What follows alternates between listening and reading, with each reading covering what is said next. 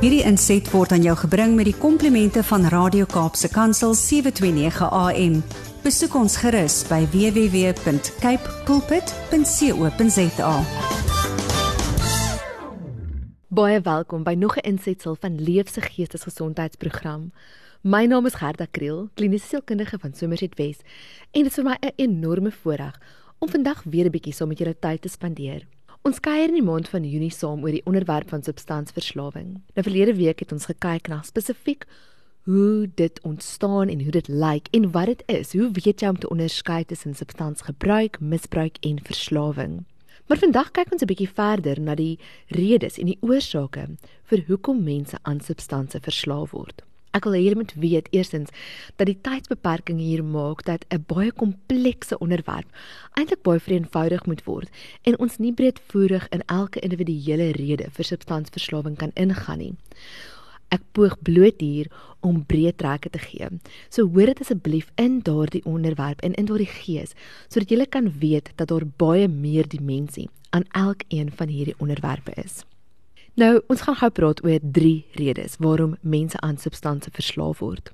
Die heel eerste een is selfmedikasie.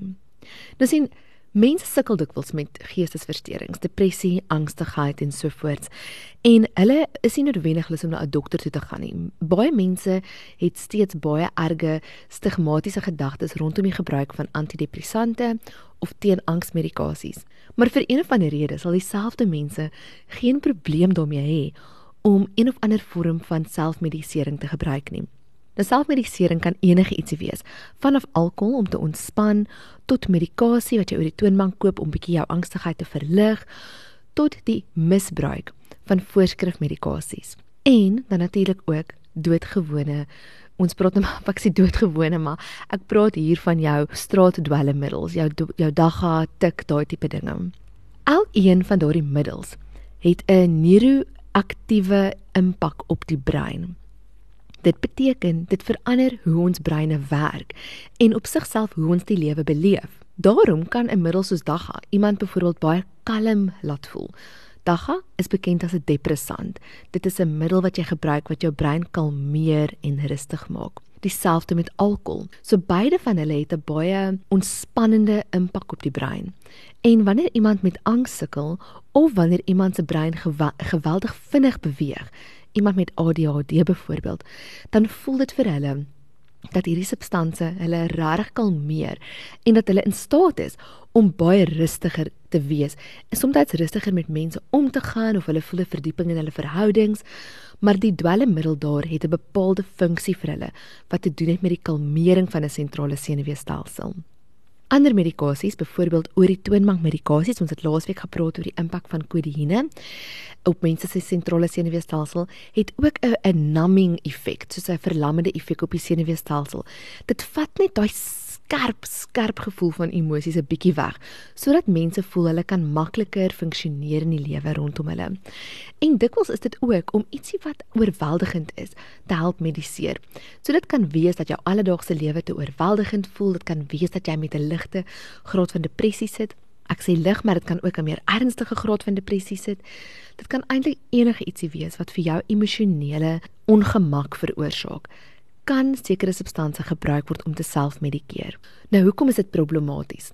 Jy sien, elke medisyne of elke middel het 'n bepaalde funksie waarvoor dit gebruik word. En as jy dit gebruik vir ietsie wat buite daardie funksie val, op 'n manier wat jou verhoudings negatief beïnvloed, op 'n manier wat jou leefstyl, jou gesondheid negatief beïnvloed, dan is dit mos nie 'n goeie manier om jou te selfmedikeer nie. So kan iemand wat dagga byvoorbeeld vir angs gebruik, dit gebruik om hulle te kalmeer, maar dit maak hulle nie meer funksioneel nie. Inteendeel, maak dit moontlik van hulle met beperkte insig. So hulle sal byvoorbeeld nie veilig wees rondom hulle kinders nie. Hulle sal dinge doen wat moontlik vir die kinders gevaarlik kan wees of hulle sal heeltemal ek wil sê spaced out raak en net gaan sit op 'n bank en hulle kan niks funksioneel verder doen nie.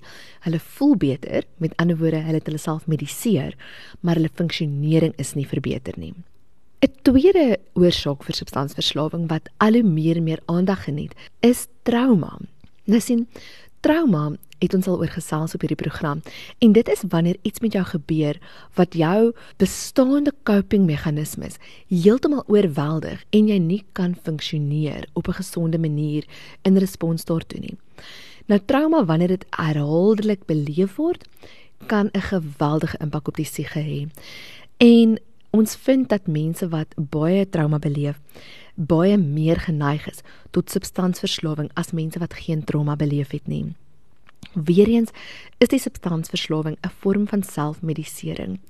En dit is baie baie belangrik as 'n mens dan uit die kloue van substansverslawing wil kom, dat jy werk met die wortel wat die onderliggende trauma is. Nou trauma weereens kom op baie vlakke voor, verstaan? Trauma kan plaasvind in jou kinderjare, dit kan te doen hê met dinge wat jy as 'n kind beleef het of deurgemaak het. Dit kan wees dat jy voel jy is as 'n kind um, nie goed na gekyk nie, jy's nie versorg nie. Jy's dalk in kinderhuise. Jy dalk as 'n jong persoon seksuele mishandeling beleef of fisieke mishandeling. Enige vorm van trauma soos dit stel jou risiko vir substansverslawing baie hoog. Daar is 'n studie wat gedoen is, hulle praat van die Adverse Childhood Experiencing Study, wat bewys het dat mense wat as kinders deur adverse ervarings gegaan het, meer as 3 adverse kinderervarings in hulle jong dae, hulle voor 5 dae, 'n verdubbelde potensiale risiko het vir substansverslawing wanneer dit vergelyk word met iemand wat geen adverse probleme beleef het as 'n kind nie. En dis 'n geweldige belangrike punt om te noem. Die derde groot oorsaak vir substansverslawing is sosiale isolasie. En ek praat nie nou van die soort van sosiale isolasie wat tydens die COVID tydperk op ons afgedwing is nie. Ek praat hier van wanneer iemand in hulle wese eensaam en alleen voel. Nou ek wil julle vandag vertel van 'n baie interessante eksperiment wat gedoen is wat hierdie punt van sosiale isolasie as dryfveer vir substansverslawing uitstekend illustreer. Nou navorsers het twee rothokke gebou. In die een het hulle 'n klomp rotte gesit met alles waaronder 'n rot kan droom. Glyplanke, waterbaddens, allerlei speelgoed vir die rotte en daar was 'n klomp rotte gewees. Toe het hulle 'n gewone waterpypie ingesit en toe het hulle 'n waterpypie ingesit wat met kokain gevulde water daar hang. Goed, daai pypies waar uit die rotte drink. As jy al ooit 'n hamster gehad het, dit is hoe hulle lyk. Like. In die ander hoek het hulle ook dieselfde tipe leefstyl geskep. Daar was baie ehm um, baie lekker ding om te doen, maar hulle het net een rot ingesit. Wat die navorsers bevind het, is dat die rot wat alleen in die hok was, meer geneig was om van die kokainwater te gaan drink, terwyl die rotte wat in die sosiale hok was, meer geneig was om skoon water te drink. Nou albei rotte het toegang gehad tot skoon water en tot kokainwater. En tog het die rot wat alleen was, wat geïsoleerd was, meer gedraai na die kokainwater as na gewone water toe. Nou weet ek ons is nie rotte nie. Ons is nie diere nie. Ons is absoluut deur God geskep en ons is geskep in sy beeld. Maar ons brein en ons fisiologie is baie soortgelyk aan rotte en in die verlede het studies op op op diere baie dikwels 'n hoë korrelasie gehad met mense se gedrag. Wat beteken dit as ons as ek dit sê? Ek wil hê julle moet besef dat hierdie rotte net sowel ek of jy kon wees. En as ons in 'n omstandighede is waar ons alleen en geïsoleerd voel, dan is daar 'n baie hoër korrelasie met substansmisbruik, substansverslawing as wanneer ons in goed geïntegreerde verhoudings met mense staan. En ek wil hê julle moet hierdie punt spesifiek onthou vir ons gesprek volgende week wanneer ons gaan praat oor die behandeling, die behandelingsmoontlikhede vir substansverslawing. Dit is regtig baie interessant hoe die korrelasie tussen die twee ontstaan. Nou wanneer ons kyk na hierdie drie oorsake van substansverslawing, selfmedisering vir jou geestesgesondheidsprobleme, trauma in jou lewe en sosiale isolasie, kan ons mos eintlik al klaar begin dink aan waar ons moet werk om die die die wortel van substansverslawing wortel en tak uit te roei. Ons kan mos nie sê dat ons iemand moet toesluit en sê gaan net rehabilitasie toe gaan word net beter nie. Dis belangrik, maar 'n holistiese beskouing is ongelooflik belangrik. Ons gaan volgende week definitief meer daaroor praat. Vandag wil ek met jou praat, die persoon wat dalk nie self 'n substansverslawing het nie, maar wat lewe saam met iemand wat 'n substansverslawing het.